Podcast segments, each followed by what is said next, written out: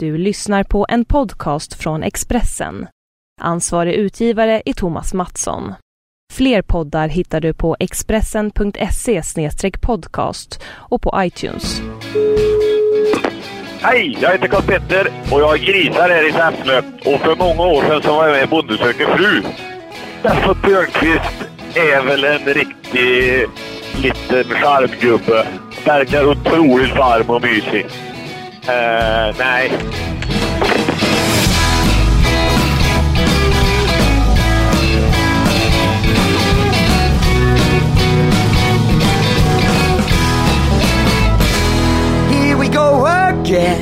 Ra-ta-ta-ta-ta. Och här är Vi är tillbaka! Och jag antar att ni har saknat oss så mycket. Ja, och jag är Tony och det där är... Rebecka. Ja, Mäcki, jag sa det där är. För om Och du, pekade. såg, om du såg henne idag så skulle ni aldrig känna igen henne. Va? Hon är uppsminkad, högklackad, finklädd. Det är jag väl alltid? Nej, fy fan. Förra veckan så såg du ut som skit. Vad fan snackar du om? Fuck you. Här har vi modeikonen. och där. Hörru du. Nu lägger du av. Okej, nu Vi lägger vi... Sura ska gubben ska träffa eh, En annan gubbe! Steffo Törnqvist. Spännande. The legendary, one and only Fan, Steffo. han har hängt med ett tag alltså. Åh gud ja. Och alltså, det finns hur mycket som helst att prata om. Jag vet inte Men vart vi ska det, börja det, det är nästan som han, hans liv är som en, en helt uh, gryta. Man kollar där inne, det finns massor med ingredienser. Och det, det gör att mitt liv som är bara dans eller snacka skit. Och hans liv är bara alla... Ganska och- många ingredienser. Ja, precis. Det blir roligt att ta reda på Ja, det. verkligen. Ska vi bjuda in honom? Men vad kan du om Steffo? Ja, Men, jag vet att han var med i Let's Dance. Ja. Nej, men han har ju jobbat i TV4-gruppen sjukt länge. Ehm, jag vet inte så mycket mer. Du vet inte mer. Nu ska vi ta reda Ja, på det. Kom igen. Steffo, in med dig.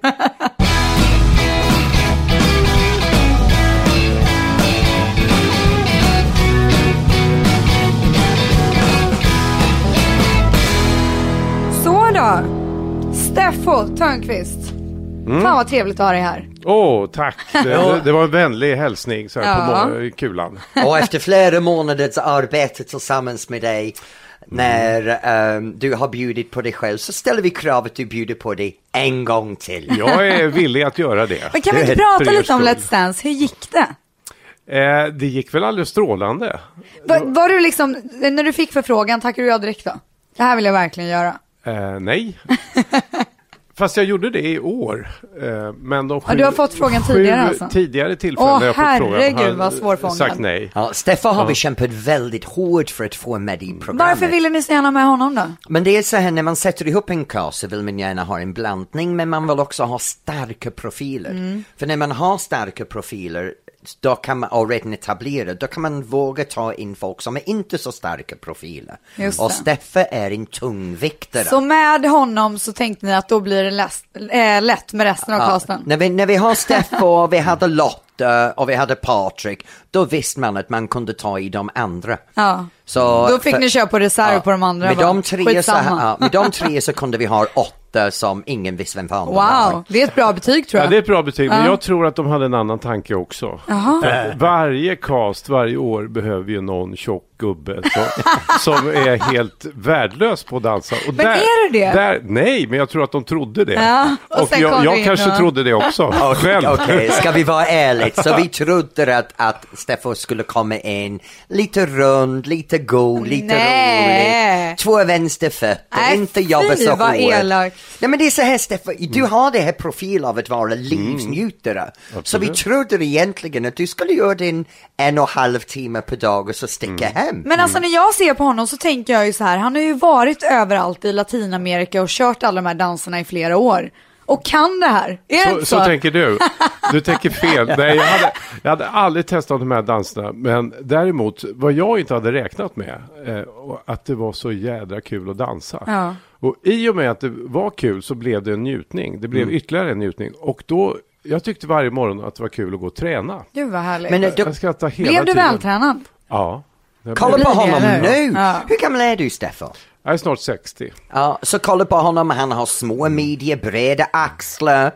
Men var det så här innan dansen eller har det här Nej, blivit jag har nu? gått ner 20 kilo. Åh jäklar! Ja. Av det här, Let's Dance? Ja. Shit, jag vill också vara Nej, med men i Let's inte av Let's Dance. Nu, nu ska vi vara ärliga, Steffo. Ja. För över nio år, vi har aldrig haft någon som har tränat lika mycket som Steffo har faktiskt gjort. Wow. Och då ska sanningen fram. För du har, du har väldigt sällan varit i den studio för mindre än sju, åtta timmar per dag, eller hur? Nej, på slutet var det ju snarare 10-12 timmar. Ja. Men i början, Wow. de första veckorna, eh, så var det kanske 2-3. Ja. För jag orkade inte mer. Men man får så välja själv hela hur, tiden. länge, hur mycket man ska träna eller? Ja, det får man. Eller man skriver ett kontrakt med, Ja. och, och ett, eh, man garanterar någon liten fjuttimme. Åtta timmar i veckan Ja, eller något sånt det där. var. va? Det märker man ju blixtsnabbt att det där håller ju inte. Det, det, är, ju, det är ju snarare åtta timmar om dagen som, som gäller. Men, Wow. men det roliga för mig var att när, när vi fått veta att du var med, att du skulle dansa med Cecilia. För Cecilia är mi- min danspartner. Men jag måste bara Mm. få veta, varför tackade du ja nu? Av hälsoskäl. Okej. Jag tyckte att nu kanske jag skulle kunna, va? för jag har haft så dåliga knän i Ja. många år. Och så vägde jag för mycket. Och så var det min eh, soffpartner i Nyhetsmorgon, Jenny, Ja. som, som klagade på mig och sa Fy fan, du är ju som en gubbe. Va? Du kan ju inte gå. Du, nu har du haltat i fem år. Nu, Oj, var med i. Let's Dance nu. Du kommer tycka det är jättekul, sa Ja. hon. Fattade hon. Va? Och det var det. Det var, det var, alltså, det var jävla kul alltså. Men du nämnde, du nämnde det här med livsnjutning och Mm. jag tror att hela Sverige vet nu att, att du är den ansikte utåt för en livsnjutare. Mm. Men vad Ja, alltså han kom in här med sin bil och bara, alla bara glodde och tyckte att vem är det där som kommer? Vi det såg måste ju dig. vara Såg någon, ni mig? Det måste vara någon riktigt ball person. Och, och det visade sig att, Taket var att av och det var... Ja, här kommer det här så stor silver cabriolet, Solen lyxmodellen. skiner. Ja, alltså, da, da, da, da, da. Men säg så här. En, eh, vad är bilåkning? Om vi nu ska ta det som exempel. Vad är bil, jo, att det man ska förpassa sig från punkt A till B. Då kan man göra det i något tråkigt, fult, eh, äckligt, eh, vad det nu kan vara. Som inte gör en glad, utan som bara förpassar mellan A och B. Eller också så kan man välja någonting som är vackert, som har en historia, som gör en liten glad när man tittar på det. Och det gör jag. Och det är inte, ja, kanske lite, men inte särskilt mycket dyrare än det andra tråkiga Jag tror att det kanske är lite ja, lite, dyrare. lite. Ja. Jag, jag Lite. som Det kör finns min... nog många som vill köra den här bilen men inte Ja, riktigt ja, kan. man, man, gör ingen jämförelse här, för Nej. jag kör en liten economy hybrid som är miljövänligt. Miljövänligt, fine. Men min bil som är från 1971, den är också miljövänlig. För man har inte behövt bygga en ny bil sedan 1971. Ja men det är sant, det är Ja, sant. men det är jag tror faktiskt inte att du eller tänker på miljön när du kör runt i den där bilen. Det är inte det första som man tänker på. Nej, det är inte det första man tänker på. Men estetiken först, eh, njutningen, vinddraget i håret och att Sally har en, bra plats. Och Ja, Sen kommer alltså. miljötänket. Men jag skulle säga att du är eh, ganska osvensk faktiskt. Skulle du själv Eh, säga det? Vad är svenska? Alltså, jag, usch. Ja, Men kom man vill väl kanske först och främst... Som, som jag lever. Jag Man har vill inte Svensson synas så livet. mycket. Mm. Jag bor i min lilla radhus ut, ut i en små stad. Kör en miljöbil. Är du Men svensk? fast Tony, du är ju ganska... Ja, men jag lever Svensson-livet. Nej, ja, Ja. men du är inte så svensk som person. Jo, du, jag har Du blivit riktigt syns och svensk. hörs väldigt mycket Ja. Mm. och det är ganska osvenskt. Men det gör ju du också. Du syns och hörs väldigt mycket. Ja, Ja, det här med svenskhet och, Mm. och jag påstår att jag är riktig svenner och ni två har sagt att jag är inte det. Nej. Men Steffo, Jag tycker att du är en, en människa. Och en, en, eh, ett exempel på en människa som inte har någon eh, nationell identitet. Och det tycker jag att jag själv är. Och jag är glad för det. Därför att om man odlar något så här, vi tillhör den här gruppen och alla andra tillhör en annan grupp. Då är det som gjort för konflikter. Men hur har du blivit så här? Det kanske beror på att min mormor och morfar invandrade till Sverige. gör det de? Att Från- jag har judisk bakgrund och Ah. vet att folk har en benägenhet att slå ihjäl varann och- om de blir osams och sådär. Jag tycker det är så otroligt töntigt med små, två små byar bredvid varann som är osams och förtalar varann. Det börjar med att man skämtar med varandra. Vi skämtar med normen och normen skämtar tillbaks och så. Jag tycker oftast det är så jävla töntigt eh, och vill inte bidra med det. Så jag är glad över att inte vara genuint tillhörande en grupp. Eller Men åtminstone sedd som det. Betyder judendomen någonting för dig? Nej, Känner du att du har en koppling till nej, julen? jag känner ingen identitet eh, med det annat än att jag kanske är lite extra känslig för folk som är utsatta för något. Mm. Men jag själv känner ingen skillnad om, om det är en jude som blir utsatt för det eller om det är någon annan minoritetsgrupp Nej. som ligger illa till. Jag, jag känner mig lika illa berörd. Mm. Eh, nej, jag är... Du firar inte hanukka och sånt där? till exempel? Nej, det gör jag inte. Jag vet ju vad Pesach är och jag har käkat eh, Gehapte leber och sånt där. Va? Men jag är ju allmänbildad så det har jag vetat ändå. Ja. nej, nej jag, är jag är uppvuxen i Linköping och, och spelade handboll och, och, och rock'n'roll och sånt där. Så, nej. Ja men det, din handboll förresten, för, för under Let's Dance så fått vi veta att du är före detta idrottslärare. Men hur, hur mycket idrottsman var du egentligen? Jag levde för idrotten i ett av mina tre liv kan man säga. Nu vet jag inte om det var tre, jag hittar bara på det. Alltså, Men jag, hade, det var en, jag var med i ett eh, intellektuellt gäng. Vi läste, bö- vi läste Sartre och diskuterade filosofi och sånt där i, i skolåldern. Och så jobbade jag väldigt mycket med, med, mamma och pappa drev en klädaffär i Linköping som jag jobbade med hela tiden där. Och så var det ett gäng som jag musicerade lite med. Jag spelade lite gitarr mest för att imponera på brudarna när vi satt korvgrillning och sånt där. Men jag idrottade väldigt mycket och det var alltid med boll. Jag älskar, jag är bra på boll. Ja. Så jag spelar squash på relativt hög nivå i juniorlandslag och sånt där. Och, eh, och även handboll och fotboll och basket och pingis och Ja, tennis. jäklar. Du har gått igenom allt. Eh, och på, och på, på hygglig nivå. Och jag märkte en gång mötte vi Östtyskland i handboll. Och jag var 16 år och representerade då, det var eh, pojk, pojklag. Ja. Och de var ju för fan två meter långa och hade helskägg allihopa. Och då märkte jag att det här är inget, jag kommer inte bli så här bra så att det är värt att satsa på det. Eh, och då valde jag, det fanns en automatik på den tiden också, att var man riktigt bra i skolan och bra i idrott, då skulle man gå in på GH. Det var fint att gå GH, Ja. alltså gymnastiklärarutbildningen. Eh, så det gjorde jag. Så, men GH, den, låg den bakom stadion på den tiden som du gör idag? Jag gick i Örebro. Örebro, Det, det finns två, okej. två Ja. skolor. Men GH låg bakom Stadion, eh, Stockholmsskolan, så vi var där också på en del föreläsningar. Och, sånt. Men Och vad hände sen då? Sen jobbade jag eh, hemma i Linköping i några år, men redan på GH så fick jag dåliga knän, fick reumatiska besvär i knäna. Oh, shit. Eh, så jag käkade mediciner och så. Och sen hade jag tänkt mig en, en framtid som eh, gymnastiklärare på halvtid. Eh, och då ligger läkarjobbet nära till hands. Eh, dels har man läst anatomin och fysiologin. Man visste att det här hette musculus sternocleidomastoides redan. Och då är det en bra start. Va? Plus Ja, att alla mina bra. manliga släktingar på, eh, på mammas sida, alla är läkare. Alla mina kusiner och morbröder och sånt där.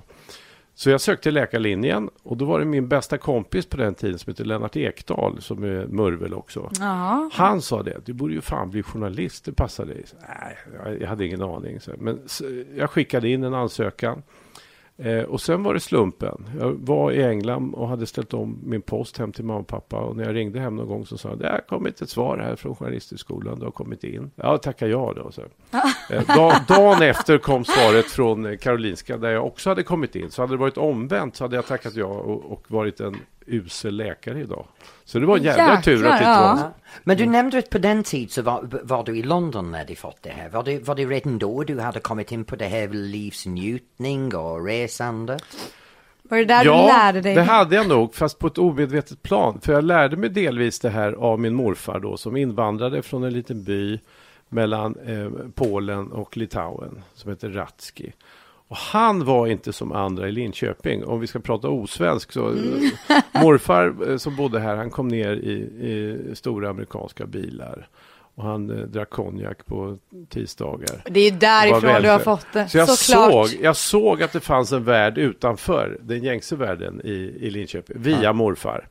Och jag sökte kanske den. Eh, Och jag vet att när, när jag reste så, jag nöjde mig inte med att, eller jag kunde snarare spara pengar genom att bo ute i en park för att kunna gå på en bra restaurang och äta.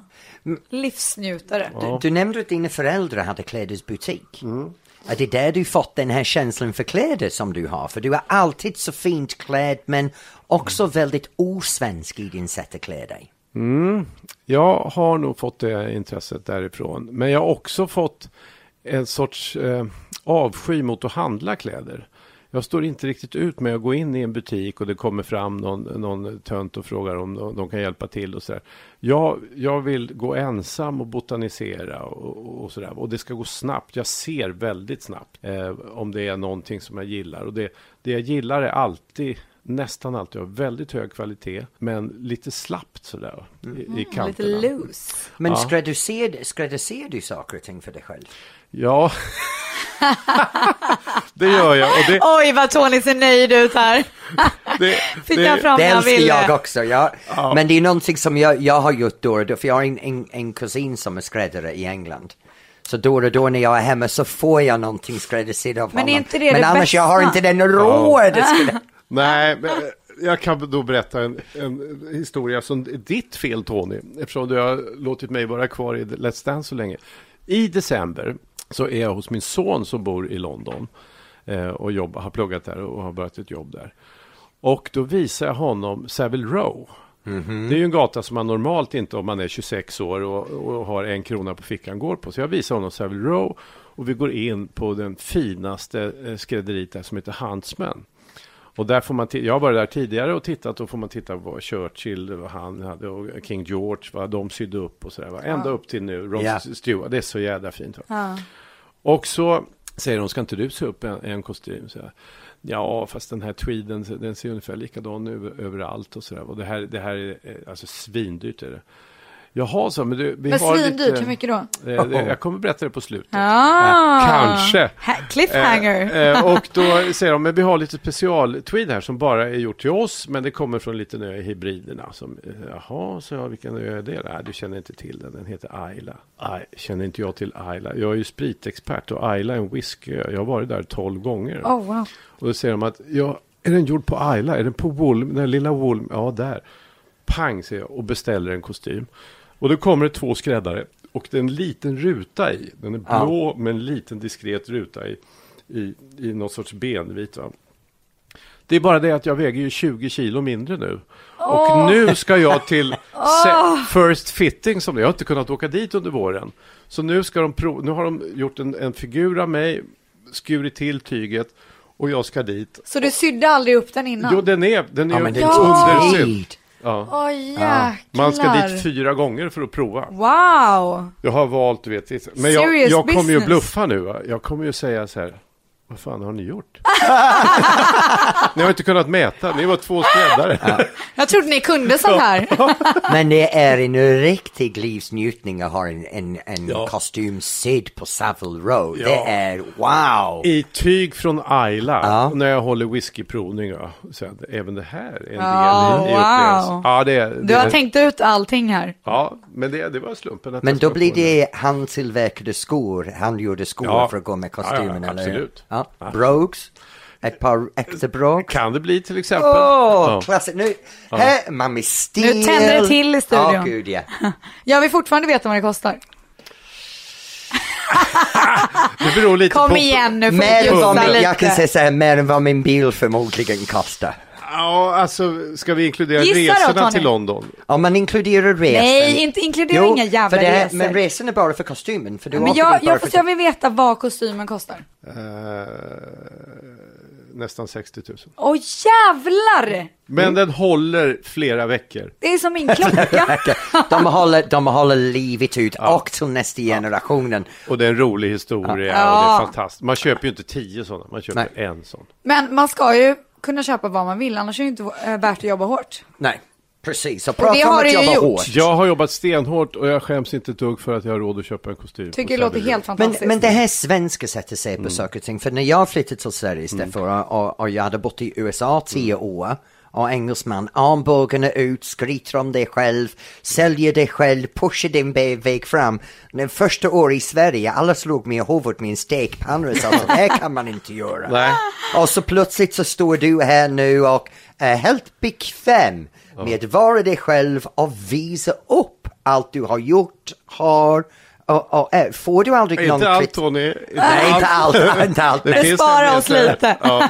men finns, finns det, får du väldigt lika mycket kritik som det, som du får fascination? Nej, eh, nej det tycker jag inte. Eh, jag, får, jag får nästan... ingen kritik nu för tiden. Det, det fanns en tid när jag fanns det, när jag, eh, eller när jag fick det. Och det var framförallt när jag var krönikör på Expressen. Eh, och var, då var jag yngre, eh, kaxig, jag var välbetald och, och sånt där också. Eh, på den tiden. Men då, och skrev en del sport. Va? Folk är ju galna. Håller man på ett lag eller skriver man, Mm. eh, beskriver en situation så är det någon som har sett det på annat sätt. Och då var det på allvar. Va? Det var många som var arga på mig då. Men nu är det inte det. Men Nej, men jag, tror, jag tror inte att det är så här. Att eh, folk vet, jag jobbar ju med sånt här också. Mm. Jag, jag skriver om sånt här, jag berättar om sånt här. Och så tar jag mig inte på allvar. Nej. Jag tar inte mig Men- mer än någon annan människa på allvar. Jag, jag garvar åt mig själv. Men det, tror du inte att efter alla de här åren att du har fått för, att du har förtjänat det här? Du förtjänar allas vad de tycker och tänker och de respekterar väl dig nu och förstår att så här, det som kommer ur hans mun är ganska bra. Så vi köper det. Ja, det är ju väldigt trevligt om det vore så. jag, har- jag har ingen aning. Eh, har jag inte. Men jag tror att, jag tycker att jag märkte också på reaktionerna efter Let's Dance exempelvis, att folk har tyckt att det varit rätt kul med någon som, som skrattar och, och, och också åt sig själv. Och, Men- och är glad över det. Självironi är den bästa ironin. Ja. Idag så, så ser man väldigt mycket det här att man ska se på individen och folk ska vara mer individualistiskt.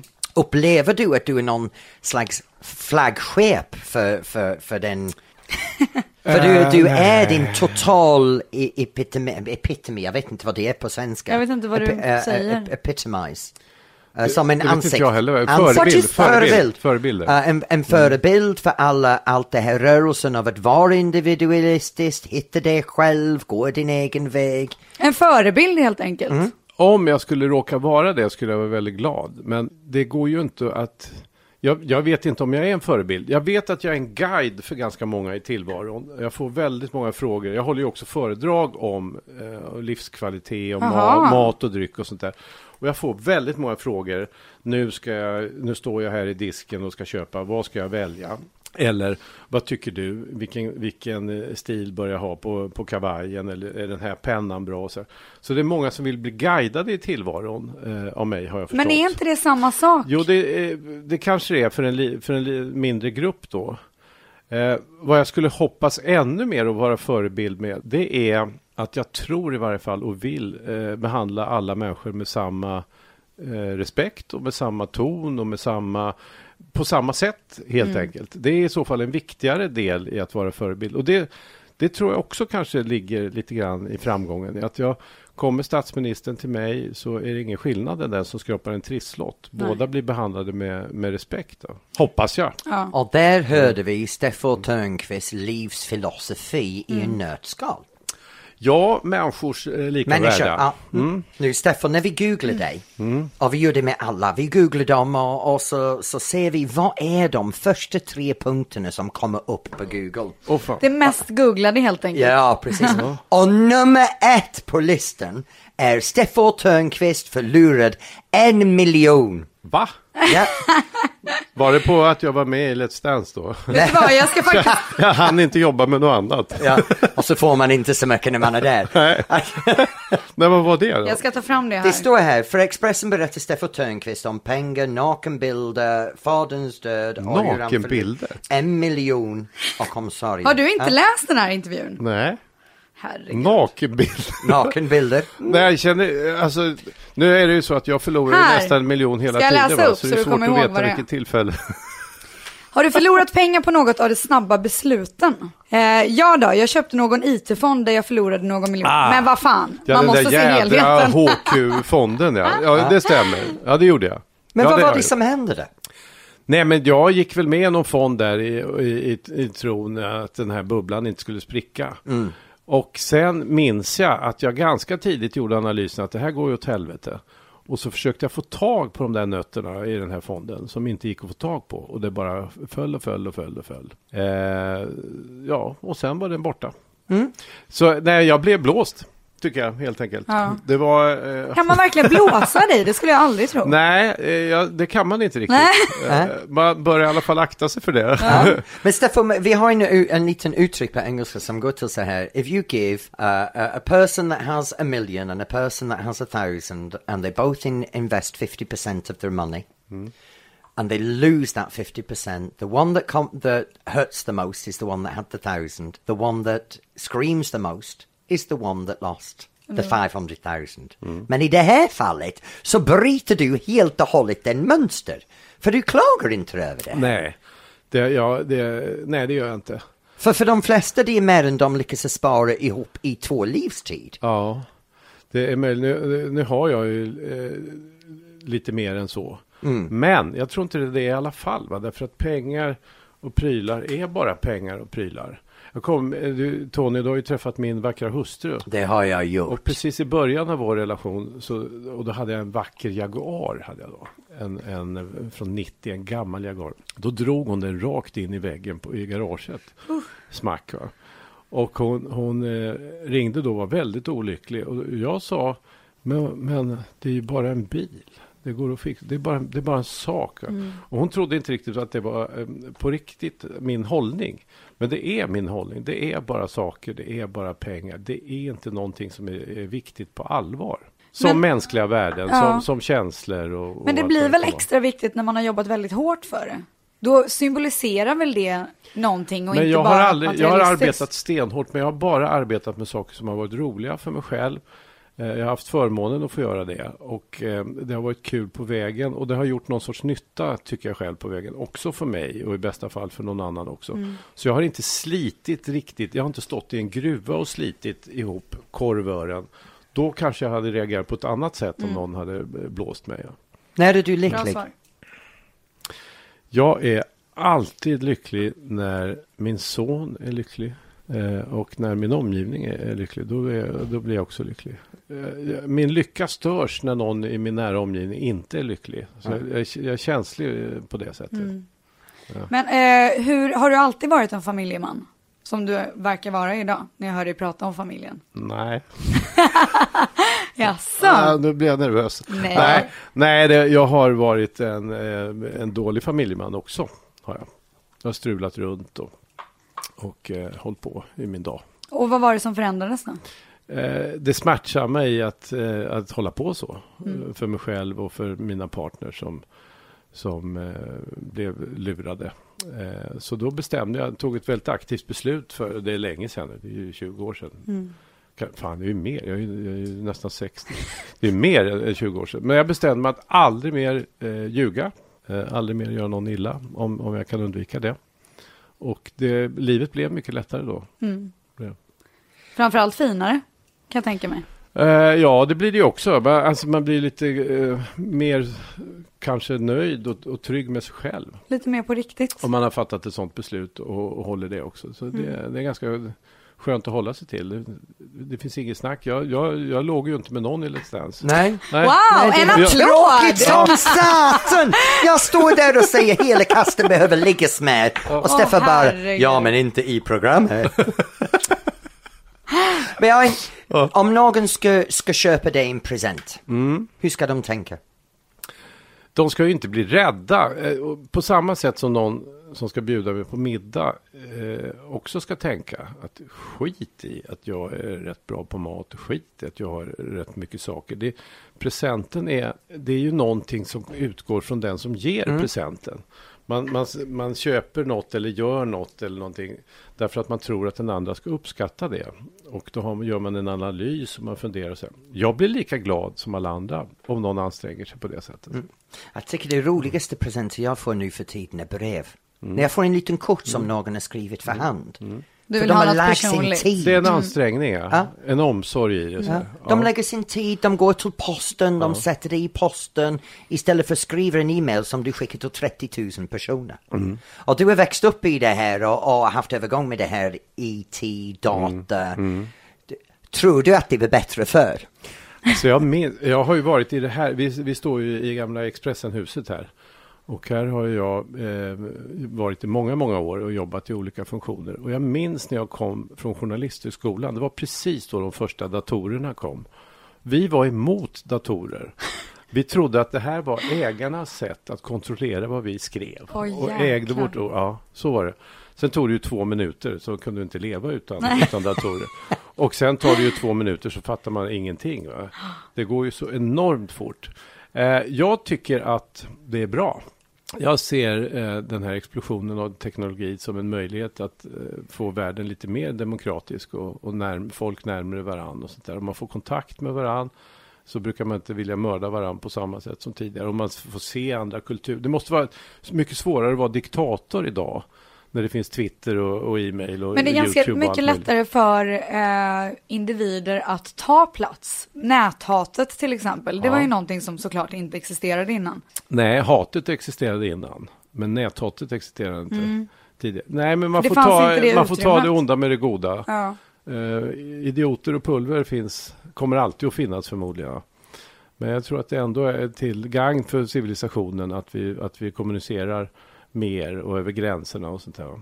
Jag ser på min son som har eh, bott i Australien, som har bott i England och som bygger ett nät, internationellt nätverk som man håller igång mycket via eh, de nya eh, medierna. Va? Och det är ingen som bryr sig om eh, hudfärger eller nationsgränser. Eller något. De har bara trevligt och, och bygger ett nätverk. Det är urbra att det är på det sättet. Nu är det sommartiden. Mm. Hur går din sommar just nu? Hur går den? Jag har eh, förmodligen accepterat att skriva en bok till. Oh, wow. Det var ju kanske ett jävla misstag. den, måste, den skriver ju inte sig själv. så eh, en stor del, så här hoppas jag att sommaren ska bli, även om jag skriver en bok. Det är att jag eh, vaknar väldigt tidigt, före min hustru då, skriver några timmar. Sen kan vi gå ut och lira lite golf. Sen åker vi ut med båt i skärgården, hälsa på någon, lyssna kanske på, på, på, på, på er. Ni kanske har en podd Ja, på. Eller- exakt. eller sommarprogram och så, här, så ligger vi på båten och badar lite. Så då åker vi till någon polare i skärgården och eh, käkar och dricker och, och röker någon cigarr. Och sen åker vi hem och sen sitter jag och skriver tre timmar till. Om det där schemat lyckas hållas över hela sommaren, då kommer boken vara klar och alla vara nöjda och glada. Och du kommer ha en fantastisk sommar framförallt. Exakt. Men du, jag skulle vilja gå tillbaka till din eh, familjesituation och prata Mm. lite mer om det. Eh, jag läste i en intervju att din pappa gick bort för ett tag sedan. Mm. Stod ni varandra nära? Ja, det gjorde vi. Han, eh, han var ju gammal och, och trasig.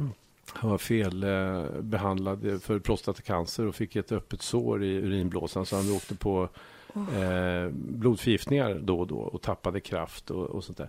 Men han var en otroligt värdig person. Eh, så han var en, en, en guideline för mig ibland. Hur, hur ska man uppträda? Han hade inga fiender. Det var ingen mespropp och sådär. Va? Utan, men folk hade eh, respekt för honom. Han respekterade alla och han, eh, han var en förebild. Och han gav mig egentligen bara ska vi säga, diffusa råd. Han, han ville aldrig skriva mig på näsan. Du ska göra så. Eller det, det var inte hans natur. Men han, på något sätt fick han mig förstå vad han ville råda mig till. Eh, ja, vi, vi stod varandra nära. Så du kunde hitta din egen väg sätt? Mm. Fint. Men eh, felbehandlad, vad innebär det? att man försökte stråla bort eh, cancern och eh, delar av strålningen eh, kom fel och orsakade ett hål i urinblåsan. Och det är ingen, man kan inte anklaga någon för Nej, det okej. utan eh, folk gjorde sitt bästa och Mm. det, det är inte lätt det där. Eh, nu har väl tekniken gått framåt så att idag hade det kanske inte hänt. Mm. Men- Det här med prostatacancer, för min farsa har fått prostatacancer. Har han det nu, eller? Ja, han är under pågående behandling just nu. Men det, det pratas väldigt sällan om manliga eh, eh, sjukdomar, speciellt prostatacancer. Men jag upplever att det, det är väldigt hög fokus för andra typer av cancer. Men det finns det, varför tror du det är att män är lite rädda att prata om prostata?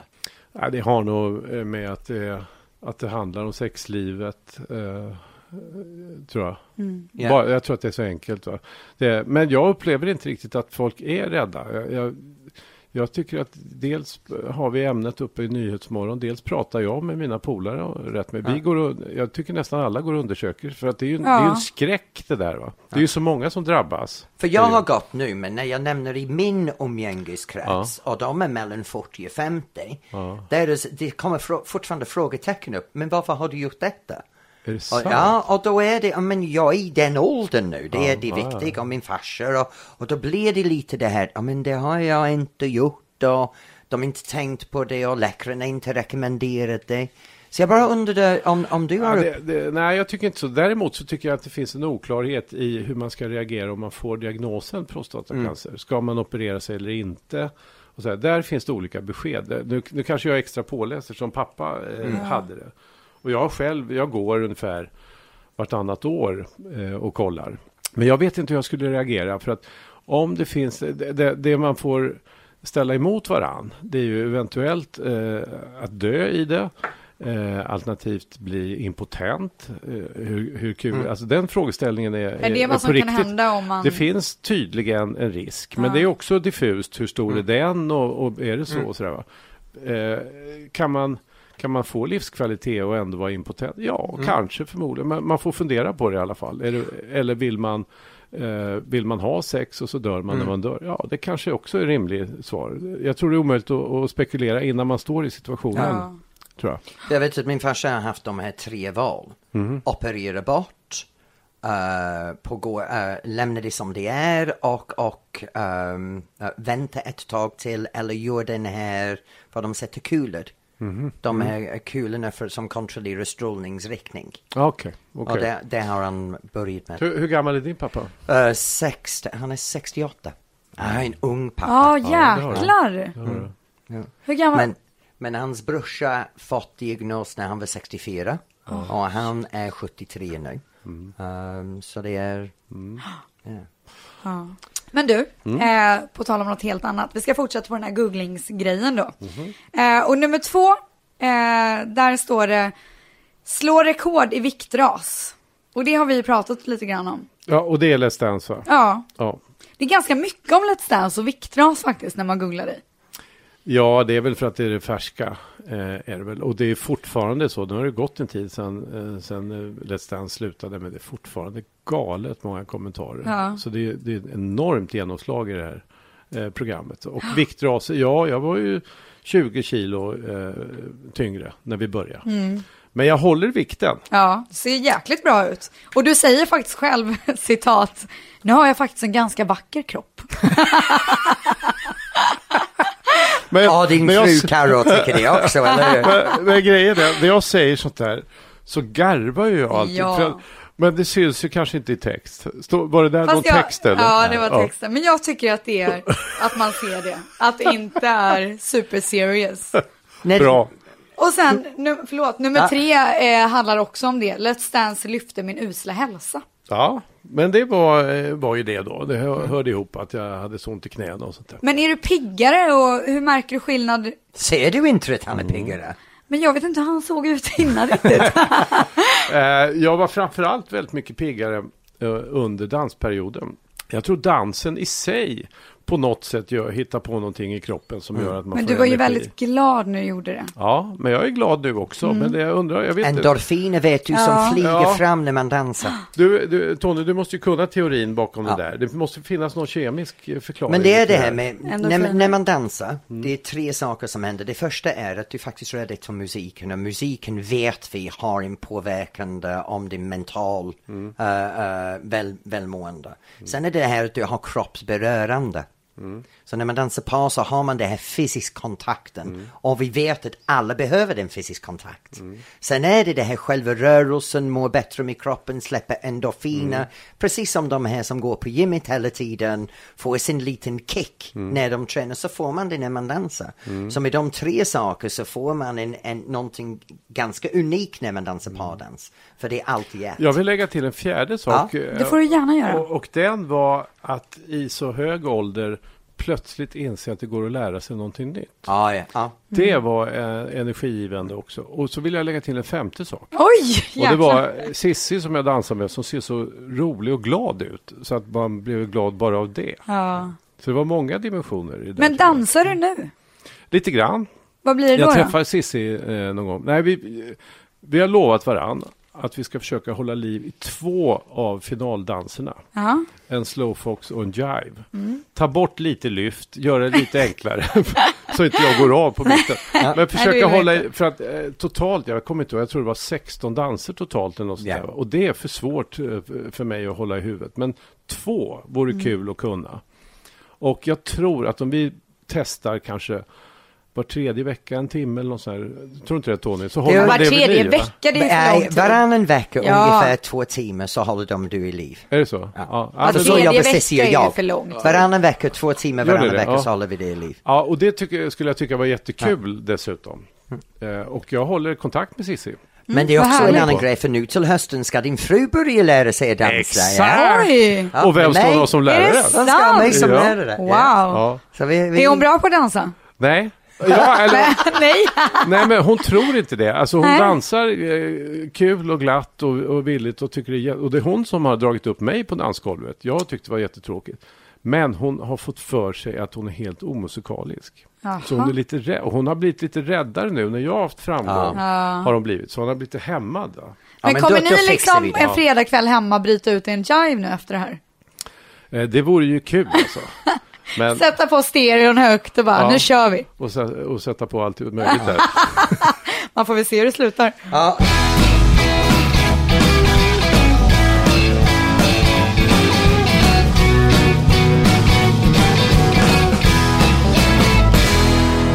Nu Steffo, här kommer fem svåra frågor. Okej? Vad känner du? Och jag tjänar. Mm. Vi har ställt alla deltagare, eller alla gäster samma fråga. Deltagare, du är inne i Let's Dance här. Jag har ju ett företag så jag, så jag omsätter. Är det det du menar? Nej, nej, men det spelar ingen roll, det är okej. Alla har sagt samma sak. Jag omsätter en sak men jag har en lön som är en annan. Ja, okej. Jag omsätter ja, så här, fem miljoner kanske. Och, Håll i eh, hatten Hatten. Kerstin! och sen så eh, tjänar jag, eh, ja, vad tjänar jag? 40-50 tusen i månaden. Ja. Och vad gör du för de pengarna? Äter gott och dricker gott? Absolut. Och Alltså, röker cigarr? Om alla andra, eh, eller om pengarna tog slut säger vi. Det sista jag skulle dra in på är matkvalitet. Ja. Eh, är det. Och det, det finns inga genvägar. Mat måste få kosta. Mm. Billig mat är skitmat. Alltså jämfört om du jämför en, en kyckling med en annan kyckling. Mm. Så är den dyrare kycklingen eh, mycket bättre. Ja. Så det måste få kosta. Men, och cigarrer är ju dyrt också. Så man, det gäller ju att ha lite. Du har dina cigarrer, jag har min öl. Vet du, min, min njutning Ja. Är att öppna min kylskåp så har jag fyra eller fem olika öl som jag har valt beroende på smak. Ja. Och så står de där och beroende på vädret och det som händer Ja. så har jag min öl. Om, jag, om jag mår riktigt sur så tar jag en Engels Newcastle. En brown ale. ja. Den, den glada till mig. Men sen om det är solig och det är varmt så tar jag en Visby pilsner. Ja, det är inte fel. Där. Och så pendlar jag med, och det är min livsnjut, min öl, men det är den engelsman i mig. Vet. Du, jag, ska, jag ska bjuda dig på en gång Tony på följande. Man har en lagrad hårdost som man skär i stavar. Eh, bra lagrad, 12-14 månader någonting. Och så doppar man ena kortändan lite grann i dijonsenap. Så att det blir som en liten klisterklutt i rumpan på, på ostbiten. Så går man vidare och doppar den klisterklutten i sellerisalt, senap, sellerisalt, ost. Tar några tuggor så tar man trappistöl. Jaha. Chimay Blanc. Till och med jag blir sugen på det här, jag gillar inte hans det är öl. så jädra gott alltså. Vet du vad jag älskar att äta? Nu kommer Ja. håll i Nej men alltså nu, Pickled onions.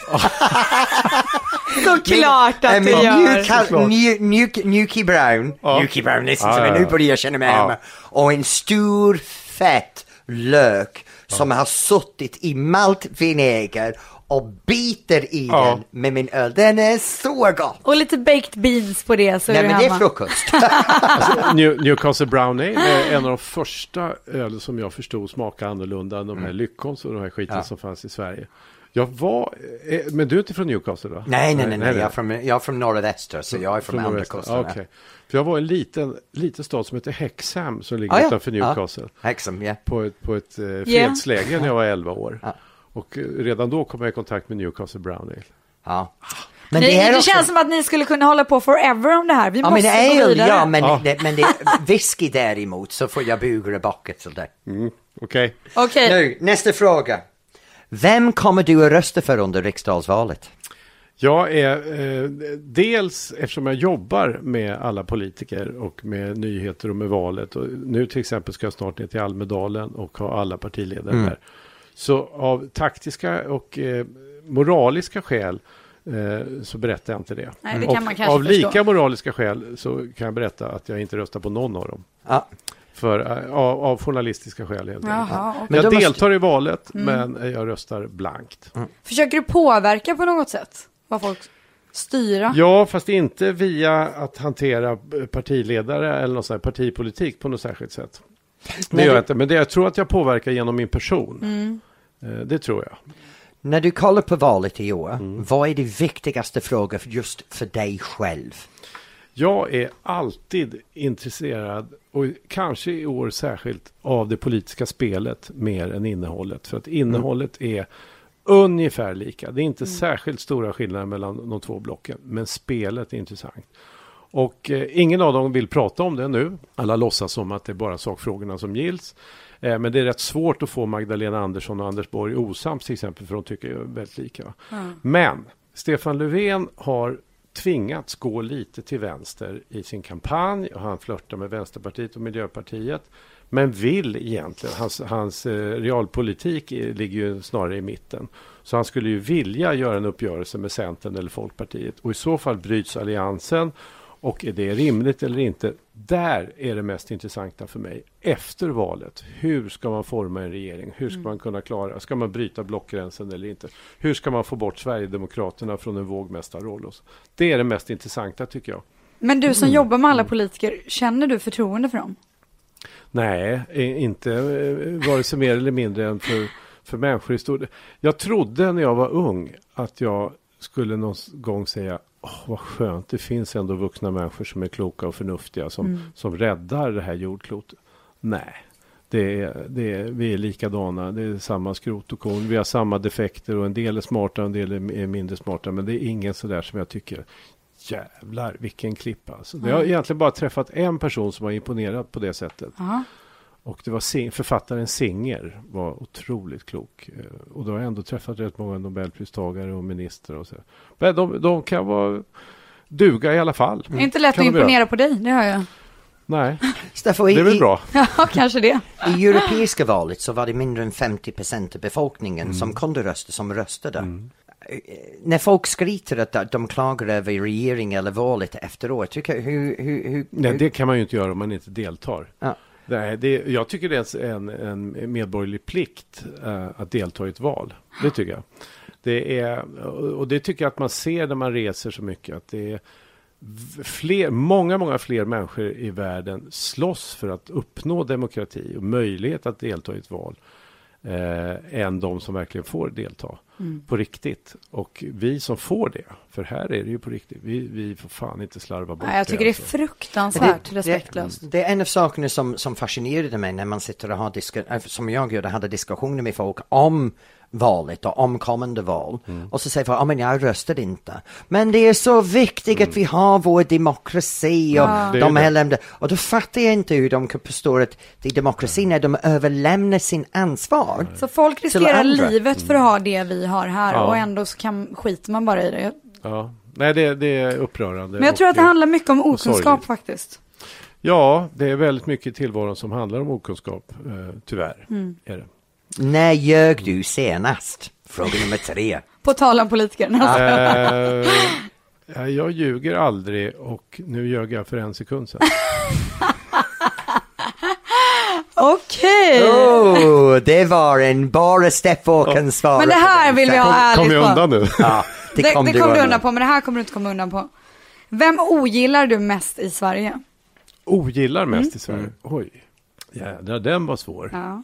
Ja, alltså jag ogillar ju alla eh, som är intoleranta och småtänkta. Det finns ju rätt många sådana. Men ni vill ju ha något namn förstås Jättegärna. antar jag. Ja. Ja, fan. ja, den var knepig. Och jag- Men jag skulle inte backa för att säga någon om jag kom på någon. Nej, det var det jag kände och därför Nej, tänker men- jag men att vi kom väntar faktiskt inte på lite. För du märker, du märker som en person som hittar allting något bra hos en annan person. Ja, jag hoppas det. Snällt att du säger det. Men jag, jag söker gärna något, något som är bra. Nej, Fan, jag kommer inte på Du får något. funta lite. Ja. Vi går Ja, vidare på tack. nästa. Sätt getingbetyg på dig själv och motivera 1 till 5. På, på allvar? Eller för Ja. På allvar. Här är allvar. Getingbetyg på Ja. mig själv. Nej men jag är ju ett praktexemplar. Nu en femma alltså. Såklart. Stämplad. Steffo Törnqvist ger sig själv en femma! Hej! Steffo, vi är väldigt tacksamma att du tog din Ja, tid Ja, det var väldigt trevligt och, eh, och lycka till med det här. Tack snälla. Och ha en fantastisk sommar. Ja, detsamma. Hoppas att det blir så där som du beskrev det. Ja, det får vi hoppas. Ja, tack snälla. Tack. Wow. Wow. Vet du, jag har jobbat med en karl i alla de här månaderna Ja. och aldrig fått veta hälften av de saker. Men vad jag gillar med honom är att han räds inte att berätta saker. Vi, eh, vi pratade om allt och han svarar på allt väldigt hjärtligt. Det fascinerande är också det här med hans människosyn. Ja. Att, att det verkligen är det här testament, gamla testamentet, Mm. do unto others as they do to you. Behandla alla lika. Mm. Ja, precis, helt fantastiskt. Ja, verkligen. Och sen gillar jag person. hur, alltså som jag säger igen, det här, han är så osvensk och tar för sig och lever verkligen livet. Jag önskar att fler kunde Ja, men göra det, det, som, som, här. det, som det här är kläder och leva här och nu och, och verkligen vara i nu. Det är som i studion. Han var 100% här med oss. Exakt. Det vet jag inte en av de gästerna som är här för att de är här Nej, fysiskt verkligen. men inte mentalt. Det är väldigt unik person. Ja, Jag är väldigt jätteglad. glad. Ja, ja. ja, ja. Men nu, Det var allt för ja, idag. Nu är det allt för idag Ja. och ja, ja. Ha det bra! hej!